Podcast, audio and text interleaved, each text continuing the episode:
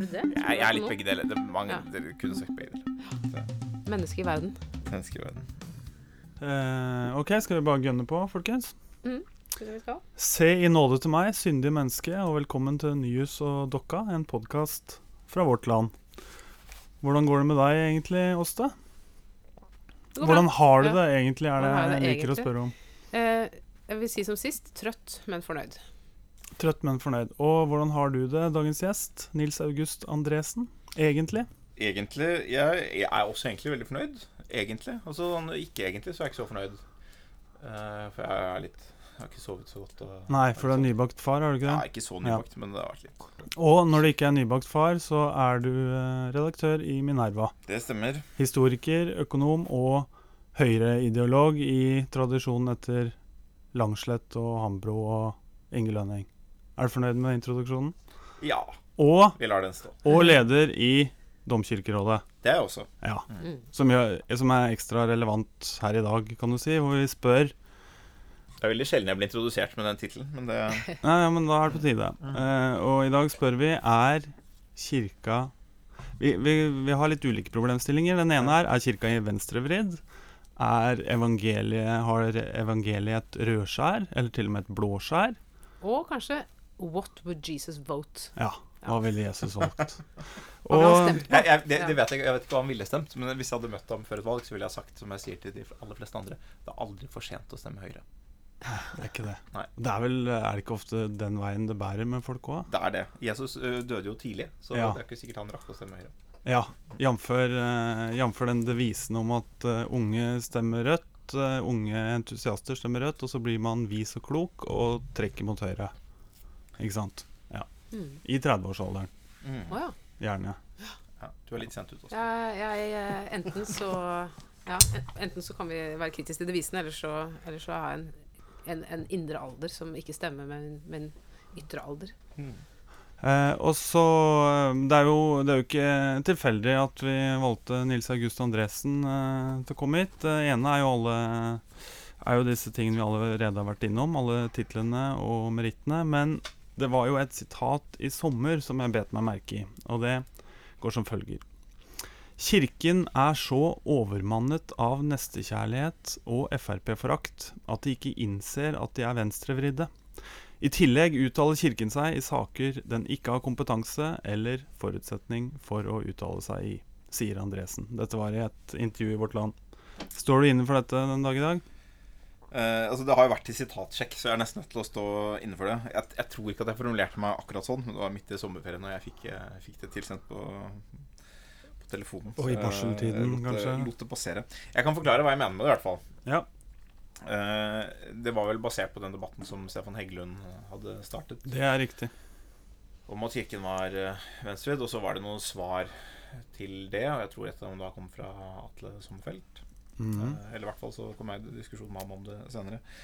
Eh, poenget med det er at eh, jeg tror veldig mange på høyresiden opplever at kirken er venstrevidd Eh, og spesielt hvis du er Frp, så, er det, så opplever du at kirken i, bety i betydningen kirkens ledende representanter Kirken kan bety mange forskjellige ting, men kirkens talsmenn At de er venstrevridd og har en spesielt agg mot Frp. Til, del, til dels av forståelige grunner, som vi får komme tilbake til. Eh, men jeg tror i kirken så tror jeg veldig få, altfor få, er ordentlig bevisst eh, hvilke implisitte politiske forutsetninger eh, og antagelser om politikk og om verden som ligger i det synet. Altså, som ikke har å gjøre med teologi. For det er en egen diskusjon som vi kommer tilbake til om evangeliet er venstrevridd. Men det er mange andre forutsetninger som man, man gjør seg, eh, som man ikke er seg så bevisst av. Og det er noe med at man er litt overmannet av behovet for å vise at man er nestekjærlig. Som er noe litt annet. Er, derfor- det er misfornøyd med sitatet som det står, men, men behovet for å vise at man er nestekjærlig, er noe litt annet enn å være nestekjærlig. Og man, jeg synes man ser det tydelig i øh, det, det jeg, jeg skrev et svar til denne saken hvor jeg utdypet det litt. Grann. Da hadde Preses akkurat vært ute og sagt om EUs toppmøte for flyktninger. Eh, en løsning som var skissert der, å satse mer på mottak i, i eh, afrikanske land. Eh, han har sagt at, som bl.a. Erna Solberg og Angela Merkel, Wir schaffen das Merkel, gikk inn for. hun sa om det at det var umoralsk. Eh, fordi vi må åpne vår dør for vår neste, og der det er hjerterom, er det husrom, osv. Og, så videre. og det er for meg en sånn uttalelse som Som det selvfølgelig går an å argumentere for, men som også er sånn som ikke forholder seg til de faktiske problemene europeiske politikere står overfor. Også det å tenke Merkel er også den politikeren som, som sa Wirtschaffen, altså, som ledet den tyske politikken til å ta imot 800 000 asylsøkere i 2016. Det er, ikke, måte, det er ikke et hjertekaldt menneske som ikke ønsker å hjelpe flyktninger. Man prøver å forstå hvilke valg er det hun står overfor. Jo, det hun står overfor, er at hun ser at flyktningkrisen i 2015 bidro til brexit. Bidro til en høyre radikal regjering i Polen. Bidro muligens til Trump, eh, litt mer indirekte. Uh, førte til at høyrepopulistiske partier i hele Europa gikk frem ca. 7 prosentpoeng. Bidro til Sverigedemokratenes sterke vekst. Bidro til veksten til Alternativ for Deutschland i Tyskland. Og eh, hvis man ikke hadde gått i den retningen, ville man raskt vært truet med nyvalg og kanskje en ny regjering også i Tyskland.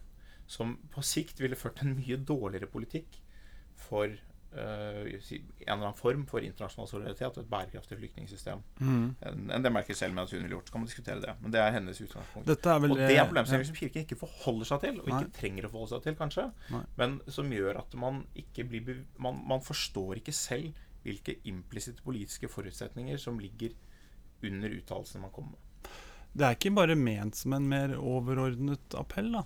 Du, altså, som ikke tar sikte på å gå ned i detaljnivået og Nei, men alt altså, hva betyr da? Hvis du sier det er umoralsk å gjøre det, vi må gjøre det som er, eh, er moralsk. Okay, Så, så legg, føler jeg at man legger press på politikerne for å, for å føre en mer åpen politikk, da. Og så har det konsekvenser av typen jeg skisserte. Altså, er det typen, dette som, uh, som uh, ligger i den egentlige definisjonen på godhetstyranni? At den reduserer kompliserte problemstillinger til en ren moralsk stillingstagen? Ja, det, altså det, er, det, er, jo ikke et begrep jeg ofte bruker, men det er, det er jo det Slik Terje Tvedt egentlig ville at det skal brukes? Brukte, så er det ja. det det er brukt som. At det er et komplekst spørsmål som har, eh, som har veldig mange fasetter, hvis du ser på konsekvenser, ja. uh, som reduseres til uh, si sinnelags- eller dygdsetikk. Og det er et, noen mulighet for å snakke om uh, hvorfor er det Kirken blir venstrevridd. Nå snakker jeg veldig mye om ja, La oss bare ta et bitte lite steg tilbake. For Jeg tenker at jeg synes det er kjempeinteressant eh, Men det er jo ikke sånn at du nå eh, på en måte gjør en apolitisk analyse av det som på en måte skjedde i 2015. Nei. Dette er også en politisk analyse. Og, mm, og det å si at eh, ok, flykt, det var flyktningstrømmen i 2015 som førte til alle disse tingene som du har pekt på, det er jo også et spørsmål som er opp til debatt. Altså hvordan ville det sett ut? vi hadde jo Sverigedemokraterna før 2015. Altså de hadde de hadde jo allerede uh, alle, Ja, men jeg mener at, at det, det, å si at disse og disse og disse faktorene førte til dette resultatet, eller for å si det på en litt grovere måte Pga. flyktninger så har vi uh, høyreekstreme. Mm. Ikke sant? Det, det, er jo også på en måte jeg spør om hvor du begynner kausalanalysen. Ja, ikke sant? Uh, du kan også si av uh, en enorm uh, forskjell i ressurser mellom Vesten og andre land, så har vi ja. høyreekstremisme. Ja. Så det, ja. det, det, det, er jo spørs jo hvor langt du skal gå tilbake, og, og, og hvor, du, hvor, du, setter fingeren på. Hey, her kunne du sagt pga. Ja. krigen i Irak har du dette. Man kunne sagt på mange ting. Så, men jeg tror grunnen til at jeg grep fatt i, i, den beslutningen, er at det er den vi på en måte kan at det, er, at det er den vi kan påvirke her og nå. Jeg, hvis noen kommer med et forslag av typen eh, Ja, vi kan ta imot flere flyktninger eller vi kan innføre denne realistiske politikken som utjevner levekårsforskjellene i hele verden. Mm. Så å, Det er en kjempegod idé. Den er jeg mm. veldig for. Ja. Men er, vi har ikke liksom funnet den da ennå. Men, men, jeg er helt enig i det at det er, det er, ikke sånn at vi skal glemme å diskutere de andre spørsmålene som kan bidra til hele problemkomplekset. Men jeg tror i hvert fall det er i hvert fall den posisjonen politikerne opplever at de står i. Og så kan det hende at, at uh, kirkeledere har en, liksom, har en større politisk analyse som gjør at de vil si at ok, men det er et veldig myopisk perspektiv. Her må vi trekke ut bildet. Mm. Men jeg tror jo på en måte at ja, så Hvis jeg skal oppsummere din kritikk, så er det at Kirken opptrer lettvint og uansvarlig og poserende. Ja, altså jeg tror, jeg tror nok ikke det er, det er, litt dumt å komme med anklager om at andre er poserende. Fordi det er nok ofte ikke sånn man oppfatter det selv. i hvert fall Og ingen av oss har vel ordentlig oversikt over, sin, over våre de psykologiske mekanismene som bidrar okay, ja, la meg jeg tror, det, tror jeg si altså, jeg tror en, Vi har av og til vært enige når vi har diskutert filosofiske spørsmål med sånne rasjonalister og konsekvensetikere som Axel Blond Sterri, Ole Martin Moen eh, ja. folk. Men jeg tror uh, For jeg er ikke konsekvensetiker sånn i, i, generelt. Altså er, konsekvenser er veldig viktige, men det er, det er ikke en tilnærming som, som oppsummerer feltet på en god måte for meg. Jeg er nok nærmere dygdsetikken på mange måter som personlig.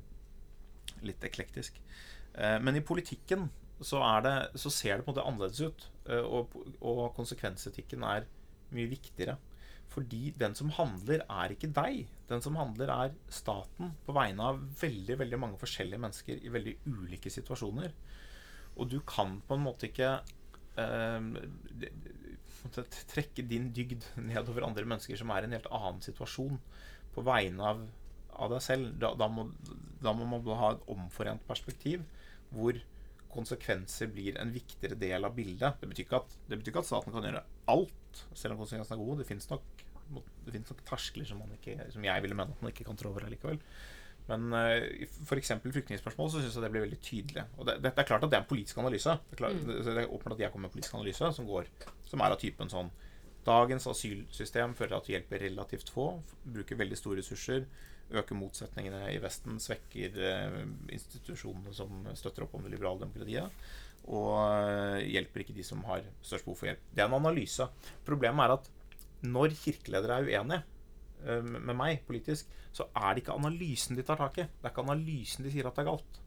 Og dette er jo kjempeinteressant, for jeg tenker at dette handler jo om liksom hva slags type forskjellige nivåer eh, kirke og politikk beveger seg på. For, for, eh, for kirka vil jo altså Uansett hva man mener om kirkas politiske stillingstagen, eh, også innad i kirka, så vil man jo alltid si kirka skal ikke være partipolitisk. Altså Man er enormt opptatt av å ikke være parti partipolitisk, og heller ikke komme med løsninger. Heller ikke liksom eh, være en aktør i det politiske, altså i det, det praktiske politiske arbeidet. Man har ikke lyst til å gripe til makt, og man har ikke lyst til å alliere seg politisk. Mm, eh, så kirka ser det jo som en nødvendighet at den ikke går inn og foreslår uh, løsninger og foreslår konkrete tiltak, men heller peker på de på en måte hvilke verdier som skal prege, eh, prege politikken vår. Eh, eh, måte, hvilken eh, moralsk eh, dom som ligger over hele, hele, politikken osv. Så, videre. så jeg tror jo det som på en måte kirka tar til seg som sitt privilegium, er kanskje noe av problemet for en politiker. Altså for, mm. På den politiske sida så vil jo nettopp det teologiske frirommet være et problem. Men sånn er det jo hvis kirka skal være profetisk. Da må den jo bare gå inn, si sånn 'Dette er elendig. Slutt med det. Begynn Begynne med noe annet.' Mm. Og så trekke seg tilbake igjen. Eh, det, er jo, det, er jo, profetiens rolle i politikken. Eh, ikke å si sånn 'Å, her er forresten et, en handlingsplan med fem punkter. Eh, signer nederst'. Mm. Nei, altså jeg skjønner, at, jeg skjønner, at, Kirken står i et dilemma. Jeg tror Noe noe, noe, av grunnen til at det blir som det blir, er for det første at når man da går inn i den rollen hvor man måtte bare komme med en slags verdi, det man selv opplever som en ikke-partipolitisk verdidom, av typen sånn 'vi må ta imot flyktninger', eh, eller sånn 'vi må ikke utvinne olje', eller noe sånt, så eh, er de menneskene som gjør det, de er partipolitisk veldig enige. Uh, enten helt sånn helt konkret at de er partipolitisk engasjert og, og, er veldig enige, eller at de bare beveger seg i det samme idélandskapet med, hva, med nettopp forståelser av verden og ikke av teologien. Altså man, man, har de samme antakelsene om hvordan ting henger sammen politisk, som ikke i særlig grad blir utfordret internt i organisasjonen. Altså, sagt, det er altfor få høyrefolk i ledende stillinger i Kirken. Uh, og det gjør at de perspektiver fra høyresiden, uh, på, ikke på teologiske, men på verdensspørsmål, ikke kommer inn, sånn at noen sier Hei, vent litt, stopp litt. Er det egentlig, er det, egentlig det, det, vi mener? Det, mm. følger egentlig det av de verdiene vi sier? Eller er, det, eller er det noen lag mellom her som du ikke har eksplisert? Det tror jeg er en betydelig problemstilling. Men så er jeg litt usikker på også at på, på om, eh, om det er mulig å snakke veldig klokt om politikk uten å forstå politikk. Eh, er det å, eller er det mulig å si noe meningsfullt moralsk om politikken uten å forstå politikk. Og her er et dilemma. for jeg ja, uten å forstå politikk eh, som i liksom som Eh, altså mer på det praktiske plan, da. Ja, ja, mer på det praktiske plan. og forstå hvilke posisjoner politikerne er oppe i. Og hvordan, de, mm. hvordan det er de vurderer konsekvenser og handlingsalternativer. At man i hvert fall forstår det først. Og så kan man ja. Fordi Dette er jo et annet aspekt av din kritikk. At du mener er, at Kirken ofte er rett og slett uinformert. Ja, altså jeg mener, jeg, jeg mener at den er uinformert om uh, den er ikke nødvendigvis Kirken selv mener at den er godt informert. Og det er jo kranglet med, med Kirken om dette. Så jeg ta et eksempel. Altså, man har alle disse høringsuttalelsene som Kirken og Kirkemøtet og Kirkerådet og forskjellige sånne kommer med. Og en av de aller mest tullete sett fra mitt perspektiv er når man har sånne, uttaler sånn klimaplaner. Uh, som, om landbrukspolitikk òg? Ja, ja det er landbruk, men det er i forbindelse med klima. Og så er det et ja. aspekt ved det. Hvor, som, altså, poenget er at norsk landbruk er relativt klimaskadelig. Uh, og så har man sånt Man er veldig opptatt av at Selv om man på alle mulige områder er veldig opptatt av å sette klima først, så er man opptatt av at klimaforhold ikke må ødelegge for kortreist norsk dyrehold. Ja, husker, Du fant et veldig godt sitat som jeg tenkte jeg skulle lese opp. Ja. Det er et høringssvar fra Kirkerådet om grønn konkurransekraft i Mm. 2016. Der heter det at sitat Kirken er meget skeptisk til en politikk der dyrehold med ku, sau og geit basert på lokale beiteressurser blir straffet av klimahensyn.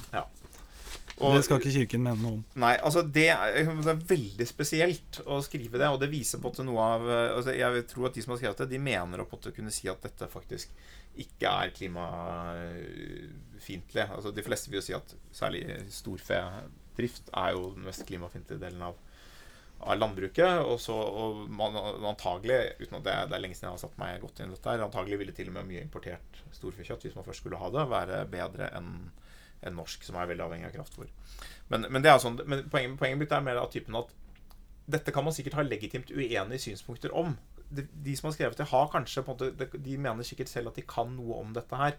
Poenget er at det er, det er ulike syn, og de ulike synene har ingenting med teologi å gjøre.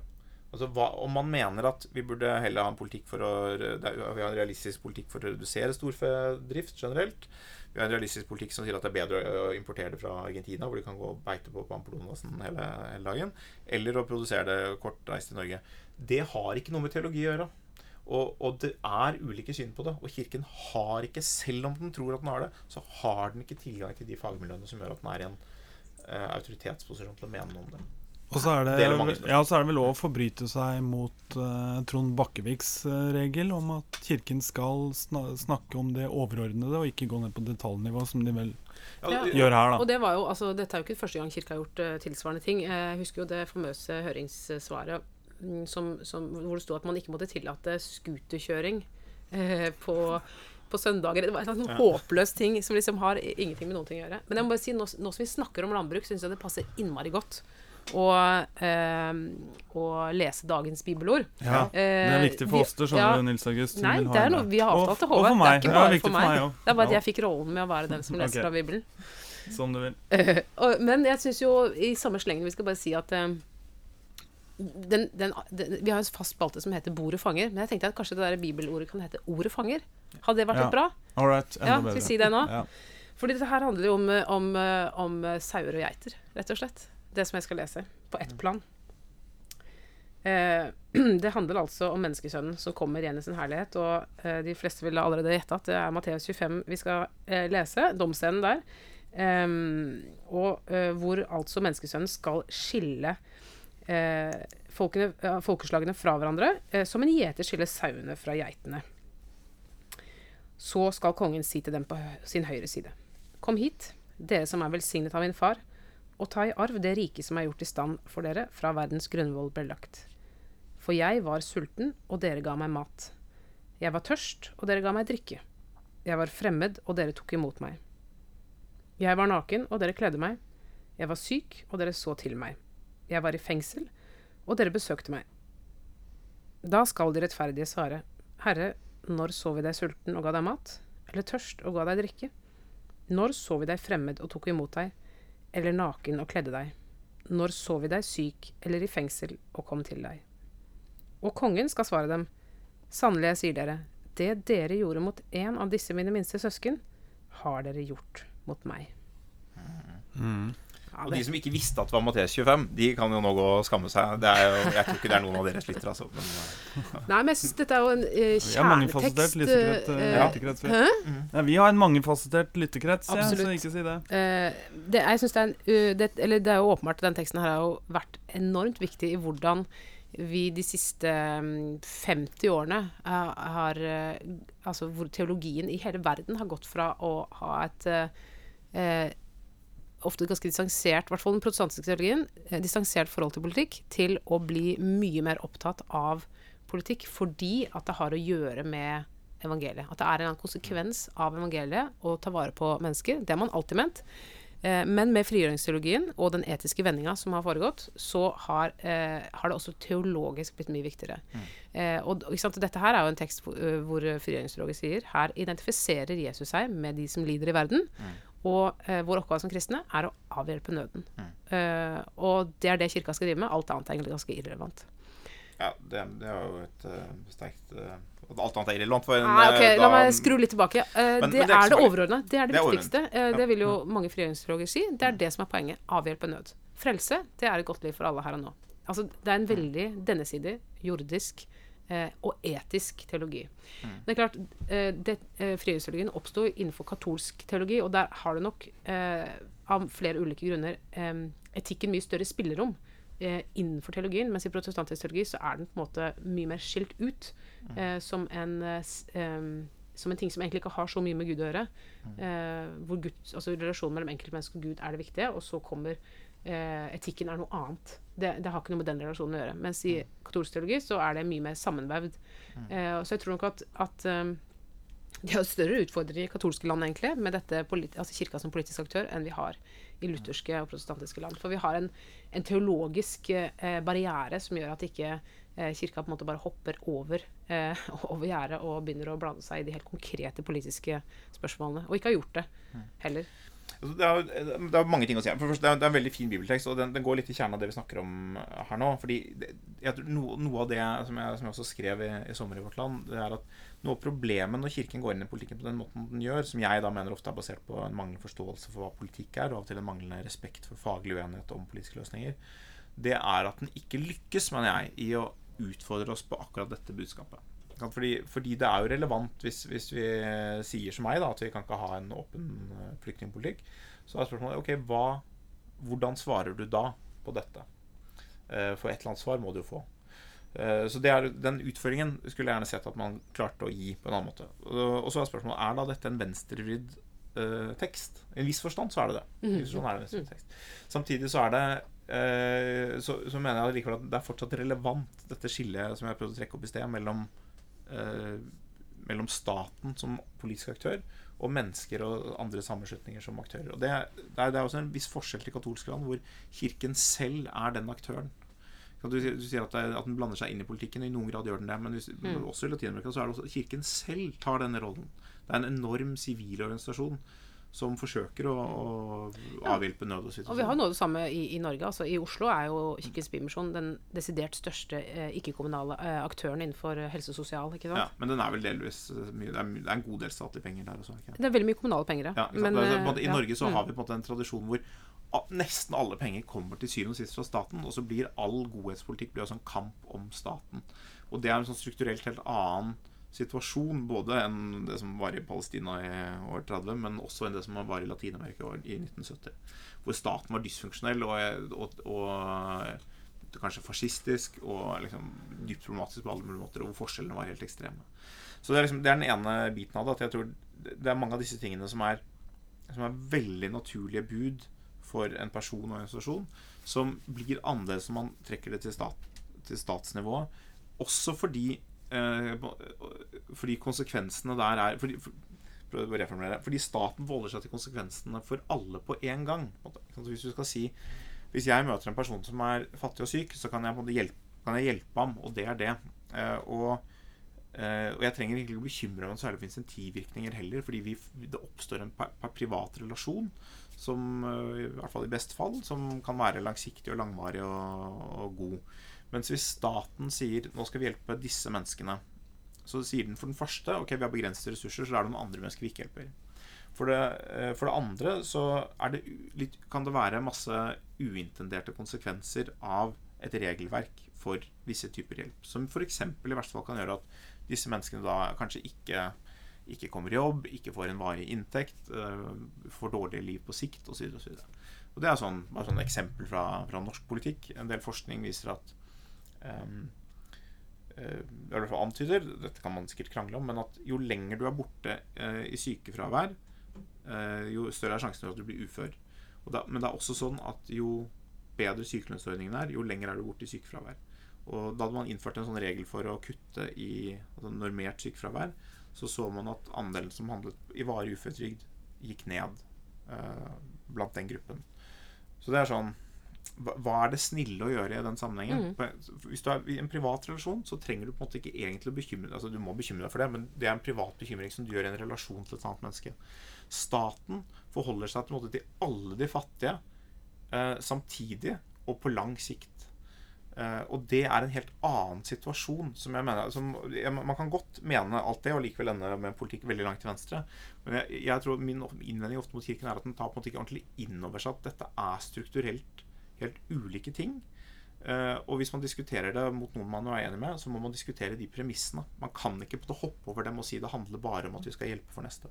Fordi det er, eh, det, er et viktig premiss, men det, det er på en måte ikke svaret på Det er ofte ikke der eh, de politiske uenighetene går. Og det er derfor jeg på med som overmannet av Frp-hat. At, i Norge så er det det fins mennesker i Frp som har et syn på både flyktninger og, og andre som, som det er grunn til å reagere på også teologisk.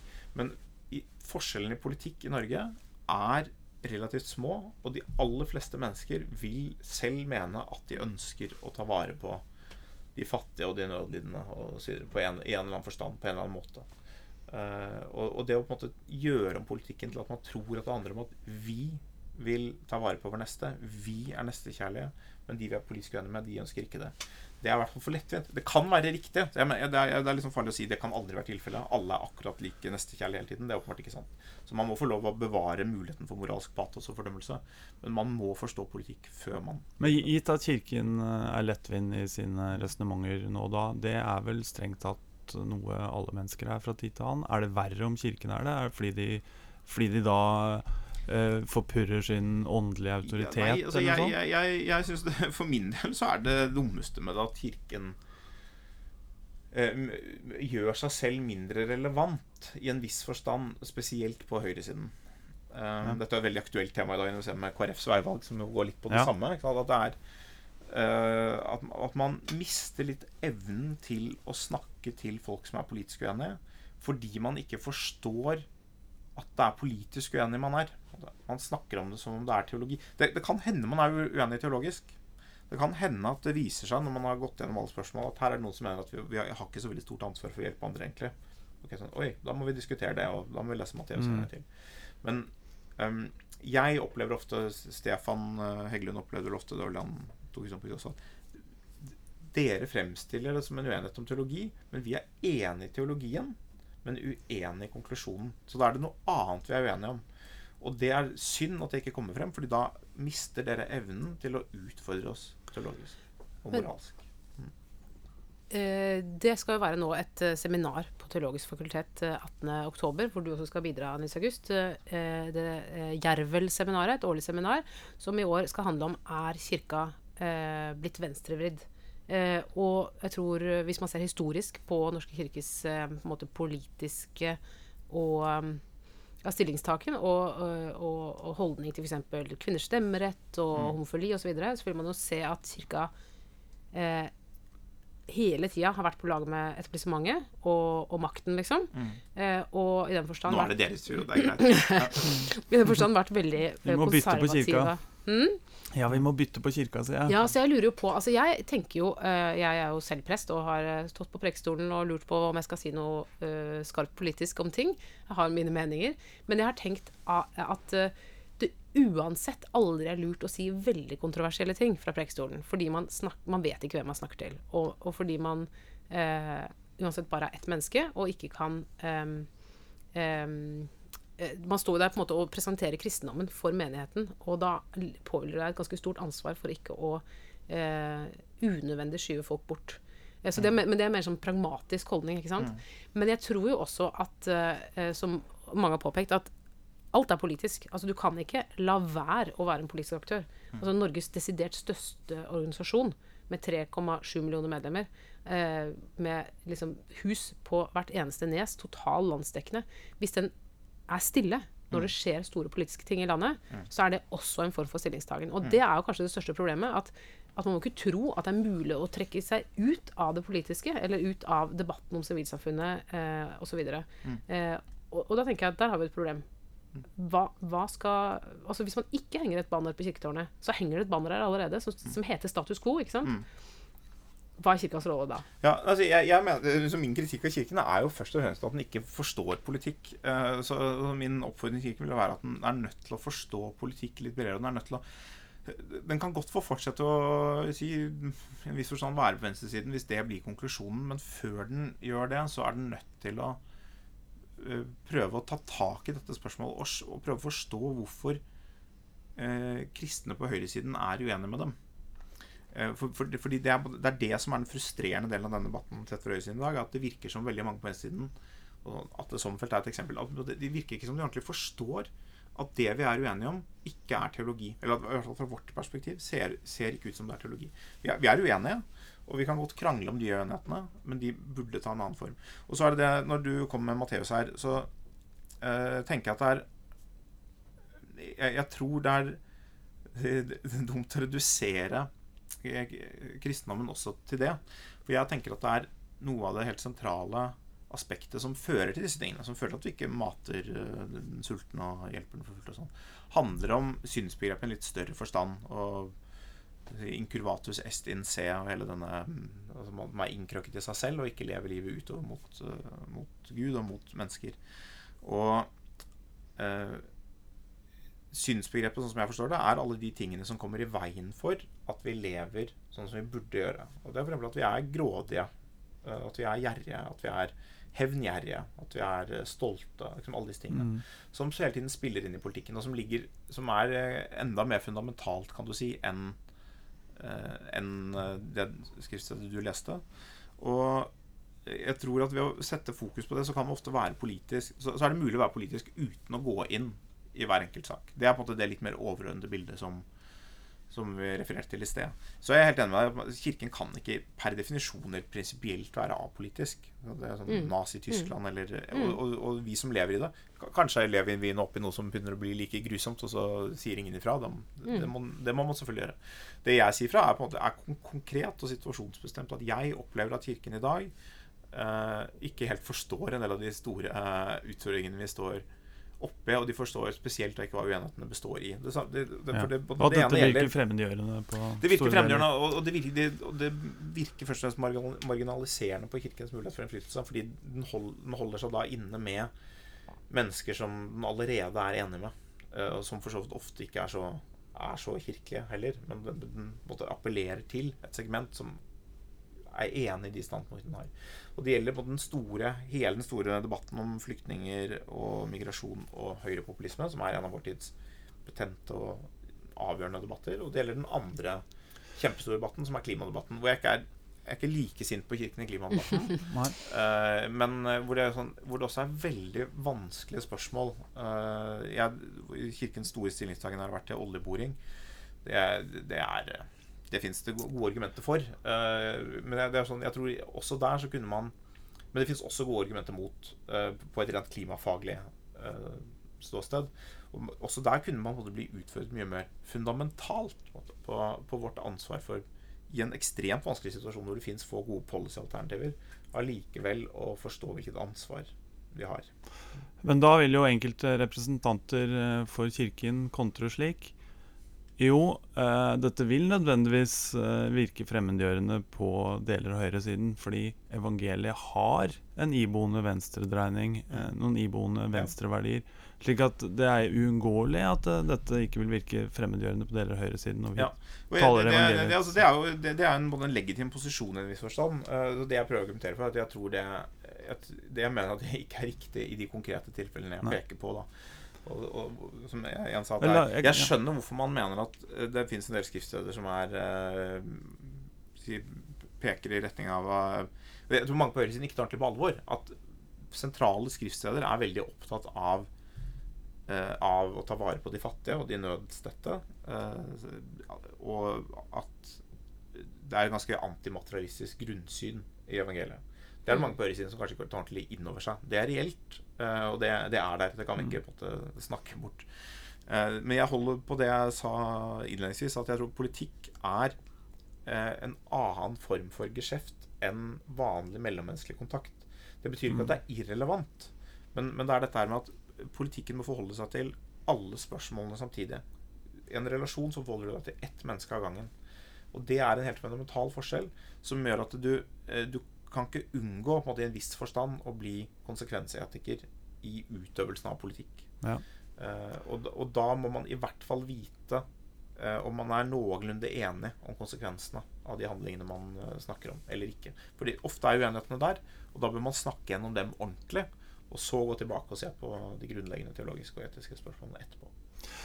Men du er, du er enig i påstanden om at det nok er lettere for folk som er engasjert på venstresiden, å finne bibelske motiv til støtte for sitt engasjement enn folk på andre sida?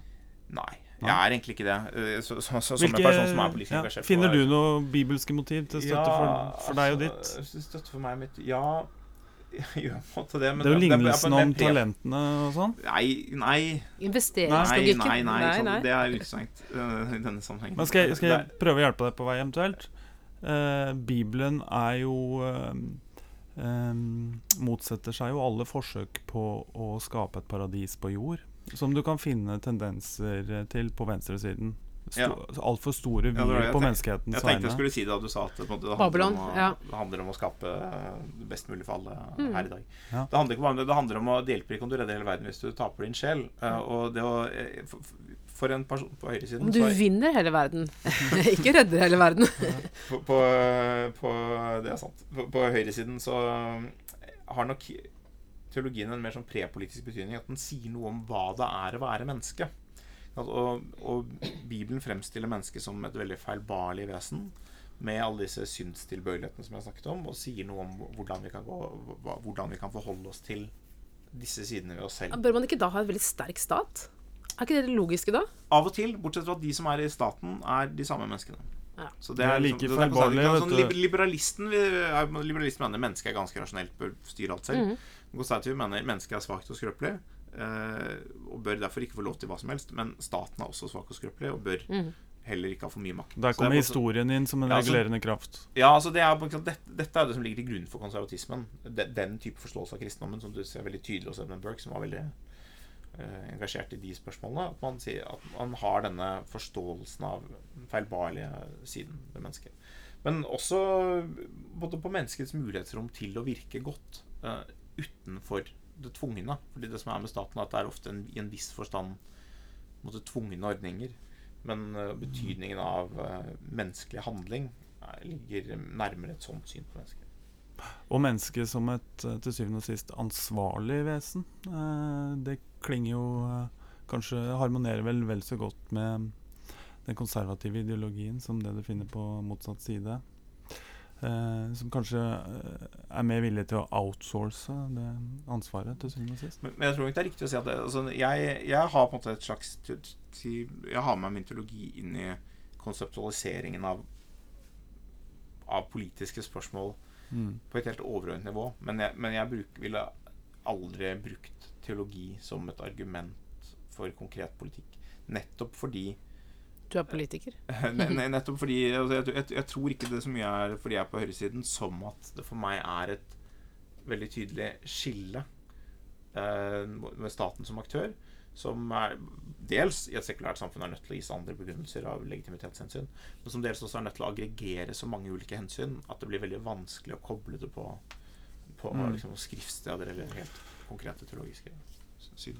Jeg må jo si, jeg er jo eh, langt ut på venstresida politisk, men jeg har jo ikke sans for at kirka driver og eh, holder på med politiske og etiske ting så rendyrka som den gjør. Altså jeg mener jo at eh, det er åpenbart at kirka i en viss forstand må, må spille en politisk rolle i samfunn.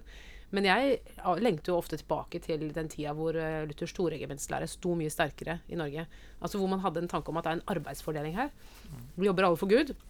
Men de som, de som, i, de som holder på med politikk, stat osv., de holder på med én ting. Og de som holder på med kirke osv., de holder på med noe annet. Og så er vi jo, eh, de fleste av oss, eh, da medlemmer av begge de to, de to måte, samfunnene.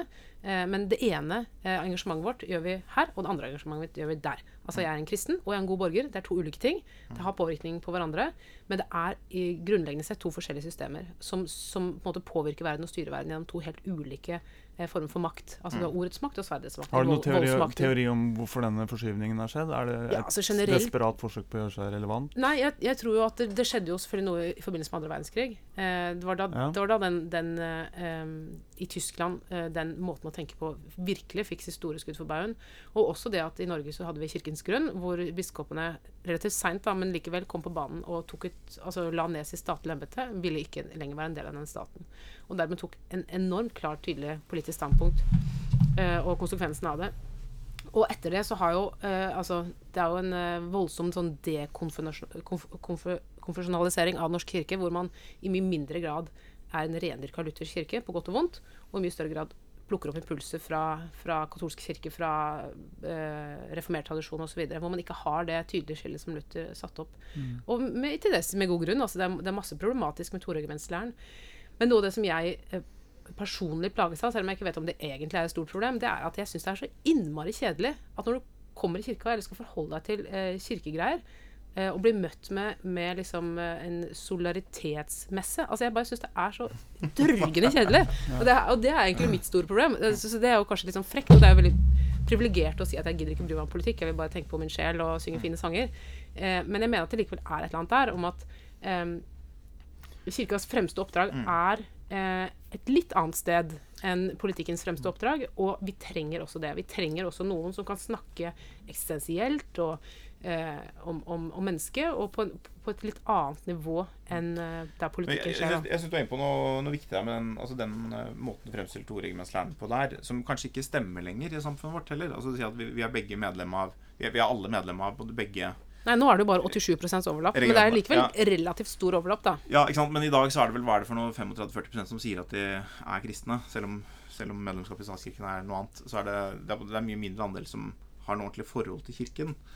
Eh, hvis du går tilbake 100 år, så var alle en del av kirken. Og da kunne man på en måte legitimt si at kirken eh, jobber med borgerne eh, og si ok, det, det holder med deres sjel, men det har åpenbart politisk betydning. sånn at De lærer seg at de, at de har ansvar for andre mennesker. De lærer seg at de må vise nestekjærlighet og solidaritet. Og så må det få uttrykk i deres politiske preferanser og, og virke, sånn som de selv finner det best etter de verdslige forutsetningene.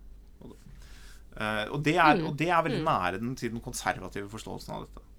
Uh, og så er det, kan man diskutere om det er en mulig strategi i dag når da såpass få forholder seg til, til kirken. Men jeg tror det er, det er nettopp det som er den min forståelse av teologien i kirken. Og jeg, jeg, hvis kirken ikke lenger lykkes i å gjøre den første biten, så mister man, man, så mister man en ekstremt viktig eh, moralsk eh, plattform eh, ved å hoppe over til noe som kan virke veldig tiltrekkende på kort sikt, men som egentlig er det samme virket som politikken gjør. Altså både, vi, vi trenger ikke én lobbyorganisasjon til for mange av de sakene Kirken går inn i. Fordi den, når den som kirke går inn i de spørsmålene, så er min erfaring at den klarer i en viss forstand ikke egentlig å mobilisere hele Kirken. Å nei, Den, det gjør den ikke. den mobiliserer et ledersjikt som har disse standpunktene, som spiller inn til de politiske partiene. Og, Vet og vi egentlig- NGO-ene som allerede har disse Eh, standpunktene. eh, vet vi egentlig sammensetningen, eh, den politiske sammensetningen, og hvor de, hvor de ulike biskopene f.eks. sogner dem politisk? Eller Ja, er altså, bare antar vi? Uh, noe av problemet her er jo at Eller ikke problem, noe av, noe av det som er en del av fenomenet, er at Den norske kirke har ikke ett overhode, har ikke ett organ som eh, entydig snakker med én stemme. Altså Den norske kirke har en spredt maktstruktur, noe som gjør at du har biskoper som alle sammen har i en viss forstand en nasjonal rolle, og du har eh, Kirkemøtet eh, og Kirkerådet som representerer Kirkemøtet mellom kirkemøtene, og Kirkerådets leder. Så alle disse forskjellige stemmene eh, har jo forskjellige, kommer fra forskjellige steder og har forskjellige politiske utgangspunkt. Men jeg tror nok at eh, hvis jeg skal liksom tenke på eh, mitt, min, mitt kjennskap til Kirkens hus, da, hvor jeg også har jobba og, og ja, føler Ja. at jeg kjenner relativt godt, så tror jeg nok du har en ganske godt sånn Arbeiderparti-tyngdepunkt, og, og KrF og SV og MDG. Det er der det ligger. Tyngdepunktet. Ingen fra Høyre? Eh, Jeg vet, jeg vet ikke hva biskopene stemmer, altså, så det skal jeg ikke si noe om. Men det kan godt hende at det finnes en og annen høyreperson. Men jeg er i og for seg helt enig med Nils August. At, det, at det, det er for lite eh, representasjon fra høyresida Men eh, i Den norske kirke. at jeg tror at veldig mange høyrefolk som er i kirken, og Inge Lønning er et godt eksempel på det. Han er dessverre gått over til den andre siden av kirken. Han er jo nå den andre siden av kirken, men, men han var, var et godt eksempel på det. At eh, de som er høyresiden, på høyresiden og er i kirken, når de snakker om politikk, så snakker de ikke så mye om teologi. Eh, og det betyr, Mens de som er på venstresiden, de kvier seg ikke for den å gjøre det båndet. Noen gjør det. Noen gjør det. Altså, Noen, ja. noen, du, du gjør det, åpenbart. Mm. Eller sier, Ja. sier det her. Men, men eh, det, det gjør at, også at du, du får inntrykk av at det bare er folk på venstresiden. For det er bare de som bruker det til Mm. politikk. Det er de det som gjør koblingen. enda større skjevhet i, i Men altså, jeg, jeg kjenner også høyrefolk som har uh, viktige posisjoner i norsk kirke, så, kirke, så det er, ikke, det er ikke helt entydig. Men jeg tror det er helt riktig at eh, sånn som det har blitt, så, så er det underrepresentasjon av høyresida. Og ikke minst av Frp. Altså, eh, partiet Høyre er nok én ting, ja. eh, men hvis du skal gå enda lenger ut, så har nok et stort problem. Men det handler jo også om at. Den norske kirke er middelklassens kirke. ikke sant? Det, og Frp er ikke i så stor grad middelklassens parti. Du nevnte disse solidaritetsgudstjenestene. Hva med disse pride-gudstjenestene? Er det tilbørlig? Ehm, ja, jeg tenker at der er vi et litt annet sted. For det handler kanskje ikke så mye om konkret politikk, men litt mer om på en måte, sivils, sivilsamfunnet. Altså Vi driver jo ikke og påvirker lovverk eh, sånn som det er nå. Altså Når det er knyttet til eh, homofili og den slags type spørsmål. Selv om på en måte familiestruktur og en del sånne ting er, er inne i, i, eh, i lovgivninga og opp til debatt. Men jeg, jeg, jeg tenker jo at um, Det er greit en stund. Kirken har en historie der. på en måte. Ja, nettopp. Jeg tenker at Det er- sant, Det er mye å reparere der. Og, Så det er en slags botsøvelse? ja, Men det, det- syns jeg det er. Ja. Men om, om man skal gjøre det om 50 år, det vet jeg ikke om liksom er like nå. Nei. Og din innvending var kanskje at disse solidaritetsgudstjenestene var kjedelige mer enn Ja, Og det er jo også noe med at det er, eh, det er så forutsigbart og, eh, og åpenbart hva som skal skje, at jeg, jeg går inn med en forventning om at jeg ikke skal bli overraska. Og blir det jo i og for seg heller ikke. Eh, og, og går generelt lite på sånne type gudstjenester. Da. En gudstjeneste er en gudstjeneste. Eh, ja. Er, du kan si, ikke sant, det er, problemet er når Kirken sier ting som ingen kan være uenig i, på en måte som ekskluderer halvparten av befolkningen. Ja, det er egentlig Eh, ganske dårlig er, strategi. det er ingen som er Hvis du går på solidaritetskrise, det er ingen som er uenig i at sånn, vi, må, øh, vi skal være solidariske, vi skal hjelpe andre. Mm. Man sier på ting som er ukontroversielle. Man snakker til menigheten som om de er innforstått. Man utfordrer ikke det man snakker til, men man setter ofte, off, man setter ofte opp en retorisk kløft til noen andre som mener noe Mm. annet eksplisitt eller implisitt, som på en måte står for mindre nestekjærlighet. og, mm. Og da utfordrer, man, ut- man klarer ikke Mm. egentlig å utfordre seg selv. Og det er bare liksom hele denne med bjelke og splint og sånt Ja. som, eh, jeg syns er, er en viktig del av, eh, av bildet. Som eh, Kirken må utfordre seg selv, de som er der. eh, de som er i menigheten. Og det, det klarer man tror jeg, best hvis man også forholder seg litt mer til det klassiske synsbegrepet. Ikke det synsbegrepet som etter hvert bare betydde sex, men, men det synsbegrepet som handler om hva, hva som hindrer oss som mennesker i å, i å handle godt i privatlivet og i politikken. Jeg må si som et lite, ja. Ja. et lite PS. eh, Det er jo at eh, nesten alle jeg kjenner, er jo eh, på venstresida eh, politisk og teologisk, og elsker solidaritetsmesser. Og syns det er helt topp at kirka engasjerer seg i alle mulige slags eh, små og store saker. Eh, så jeg, det kan Kanskje godt du ikke har så mange venner lenger etter det kan godt hende at, eh, at det er noen der ute som syns det er det mest spennende av alt. Det er jo å være på en gudstjeneste mot halshogging i Iran, liksom. Det er, det er det, og, og når kirka kan gjøre det, så føler de seg endelig hjemme, mens de har følt seg ute av det eh, i lang tid. Så det er vanskelig å gi noen sånne derre generelle bilder av hva folk syns om gudstjenester. Da. Så jeg vil bare si at jeg taler kun på vegne av meg selv her. Og jeg vet at jeg er eh, i min verden i et lite mindretall. Eh, folkens, vi er eh, nesten ved veis ende. Vi må, vi må bare rekke vår faste spalte, Bordet fanger. Mm. eh, hvor, vi, eh, hvor vi tar opp et tema som eh, Eller lanserer ulike tema som vil engasjere i vårt eh, neste forestående middagsselskap. Har du, har du forberedt noe tema, Nils August? Jeg, jeg tenkte at vi skulle høre på Åste først, og gleder meg veldig. Ja. Åste, da begynner Jeg, med deg. jeg skal gå rett inn i det trivielle, uh, upolitiske og uteologiske. Jeg lurer ofte på en ting som jeg av og til spør folk om, og stort sett glemmer å spørre folk om. Det er Stryker folk skjortene sine? Og hvem gjør det i så fall? Og en ting er oss vanlige mennesker. Altså, ja, De fleste da, vil jo da si ja eller nei, jeg stryker, jeg stryker ikke. Jeg stryker når jeg skal på fest, eller, eh, og man gjør det da selv. Men hva med de som liksom er et lite hakk over oss i samfunnet? De som egentlig ikke har tid til å eh, stryke skjortene Jeg husker Rimi-Hagen gjorde et Ja. stort nummer ut av at han kjøpte skjortekragene i London eller et eller annet. Ja, men hvem stryker dem? Ja. Eh, så jeg tenker jo at Jeg lurer jo Ja, på sender for dem dit for å få dem, uh, Ja. få dem stilet. Ja, det var hans, såpass, det var Ja. hans bidrag til, eh, til uh, krisen Til i 2008, keynesiansk politikk. Ja. Dette er jo langt Ja, fra Jon. Collett var vel den som opprinnelig ble kjent for å gjøre det. Oh, ja. Rundt 1800 sendte skjortene sine med båt til For å få stivet var det. Mm. bedriftsledere i, i, i eh, små, eller mellomstore kanskje heller, bedrifter, gjør de det sjøl? Har du, konene det, eller mennene eventuelt? Eh, gjør de det ikke i det hele tatt? Er det vaskehjelp som kanskje, kan gjøre det? Ja, jeg syns det er et veldig morsomt spørsmål. Ja. Som jeg Jeg pleier å gjøre det sjøl, men med Du gjør det ikke, skam å melde Jo. altså, Vi sitter her og ser Ja, på en skjorte som er eh, ustrøket. Det ser dere ikke Han har vært med på en eh, lang, lang dags ferd. Um, jeg pleier å gjøre det sjæl. Jeg legger min ære i det. Men grunnen til at jeg tok det opp nå, var at uh, da, jeg kom, da jeg kom hjem forrige gang, så hadde mutter'n vært og stelt i huset noen dager. Så da hadde mutter'n tatt alle skjortene mine. Så deilig. Mm. Så hvis dere, hvis dere ikke liker den skjorta her, så skal jeg videreformidle det til mor. Mm. Ok. Mm. Jeg stryker ikke, ikke skjortene mine i det hele tatt. Så ikke selv, og heller ingen andre stryker dem heller. Så de er alltid ustrøkne. Ja. Ja. Det Det er et godt tema, i hvert fall. Ja. Jeg til eh, middagsbordet så tror jeg Jeg har hørt på denne eh, Sånn er du eh, Sånn er du-programmet til Harald Eia og Nils Brenna. Jeg syns det er kjempebra. Så dette med personlighetstester, eh, det tror jeg engasjerer. Eh, og det finnes en annen personlighetstest i Sånn er du, så lener det seg på den som heter Big Five, som er veldig sånn, deskriptiv av seg. Eh, det finnes også en som heter Enneagrammet, som oh, sorterer mennesker i ni typer. Ja. Eh, og som har et mer normativt anliggende. Den, den nøyer seg ikke med å si 'sånn er du'. Den, sier, den spør 'hvordan bør du være'? Ja. Apropos dygder og alt mulig, som du har vært innom, eh, Nils August. Eh, så, så jeg ville nok eh, Jeg ville tatt opp dette med enneagrammet og så kanskje Mm. kort skissert de ulike ni typene, og så Mm. kunne folk eh, forsøkt å identifisere ja, seg for du er nier, ikke sant? jeg er nier, så jeg skal eh, Og nieren skal se til treeren.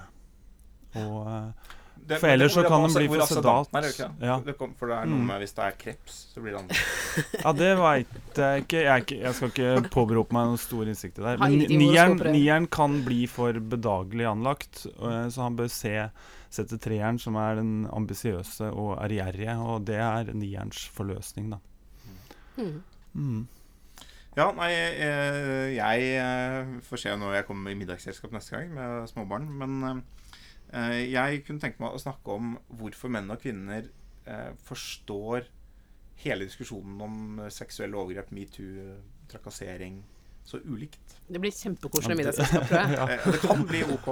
Vi har noen teorier. Mm. Så, se an publikummet som, er, litt først. eh, som jeg, jeg kan skissere kort hva jeg tenker, og så får vi se om noen inviterer meg på middag. Det er i utgangspunktet så, så er det jo måte menn som har et innlevelsesproblem. For de fleste menn skjønner ikke at det er så grusomt. Altså, vi, skjønner, vi, vi skjønner det fordi kvinner kiler og sånn, men vi, vi kjenner ikke på kroppen. Vi tenker, sånn, vi tenker at det er sånn Ja, det var litt dumt, kanskje. Mange menn har Mm. blitt utsatt for litt seksuell trakassering selv og tar det ikke så fryktelig tungt. Og dette finnes det studier på også som viser at det er ganske store forskjeller. Så menn skjønner det ikke helt. Så liksom det er én bit av bildet. Uh, empatigap på mannens side. Men så er det også sånn, eh, etter hvert så er det spørsmål om det er et empatigap eh, andre veien òg. Du har disse amerikanske selskapene som har innført regler for eh, Man får ikke lov å klemme hverandre mer enn ett sekund eller liksom to sekunder. Det skal, være, det skal være veldig sånn uh, metoo-sikret eh, arbeidsplass. Da. Blikk skal ikke holdes lenger enn osv. Man, skal man får ikke lov til å ha drosje hjem sammen osv. Så, videre, og så, videre. så er det på en måte spørsmål om det er eh, eh, Går det en grense også andre veien hvor man kunne tålt mer? Det er den provoserende biten, da. Mm. Så, og det er åpenbart en grense for hvor mye man skal tåle. Men, er det, men hvor, ulikt forstår vi disse tingene? Så tenker jeg det, det er Noe av problemet her er jo liksom, hvor går Hvem er det som får Eller hvem er det som eh, Hvordan formidler man at, eh, at eh, noe er uønsket og ønsket? Mm. fordi hvis vi har et samfunn som forbyr seksuell oppmerksomhet i det hele tatt, så har vi et problem i neste generasjon. Da er det jo ingen barn. Mm. så vi, må på en måte Det må være mulig i samfunnet vårt å, at to mennesker tiltrekker seg hverandre. Men spørsmålet er på en måte når eh, Hvis man da legger, sier at det er ikke lov å ta drosje hjem sammen osv., så, videre, så, så så hindrer du all kontakt mellom mennesker som kunne funnet hverandre. Så det Ja. er jo et ja. Altså, jeg tenker, for det, er, mye som er uønsket. Og så er spørsmålet hvor, hvor går grensen fra at noe er uønsket, men sånn er det, til at noe er uønsket og uakseptabelt. Og det, det er akkurat det rommet mellom de to som jeg syns er litt interessant å, Ja. å finne ut av. Ja. Jeg vet ikke om Matteus har noe på det. Nei, ja, det var det. Hvor kan vi sette Bibelen her hos deg? Altså Jo, det kan vi. Vi Vår kan jo se på Barkprekenen. Og der sier jo Jesus at uh, den som har uh, sett på en kvinne med begjær, har allerede begått utroskap med henne i sitt Ja. hjerte. Ja. Så du er fucka uansett hva du gjør, egentlig. Ja, Carter, jeg husker Jimmy Carter uh, siterte det. Han var, Ja. Han var veldig ærlig, den amerikanske presidenten. Han, ble spurt om han noen gang har begått utroskap, og da siterte han nettopp det og sa ja, jeg har jo det. Jeg har jo, Det var en god jeg har jo kjent begjæret i mitt hjerte, og Mm. så det er ute med meg, sånn sett. Mm. Men jeg tror nok at eh, hvis man skal begynne å bruke bergprekten som sånn underlag for etikken, så eh, da havner vi fort et sted vi ikke vil være. Ja, og Jimmy Carter har jo da blitt latterliggjort for dette nå i 30-40 år. Ja. Mm. OK. All right, skal vi si, si oss fornøyde? Jeg tror vi skal si oss fornøyde. Takk for, takk for i dag. Takk for at vi kom. Takk for i dag.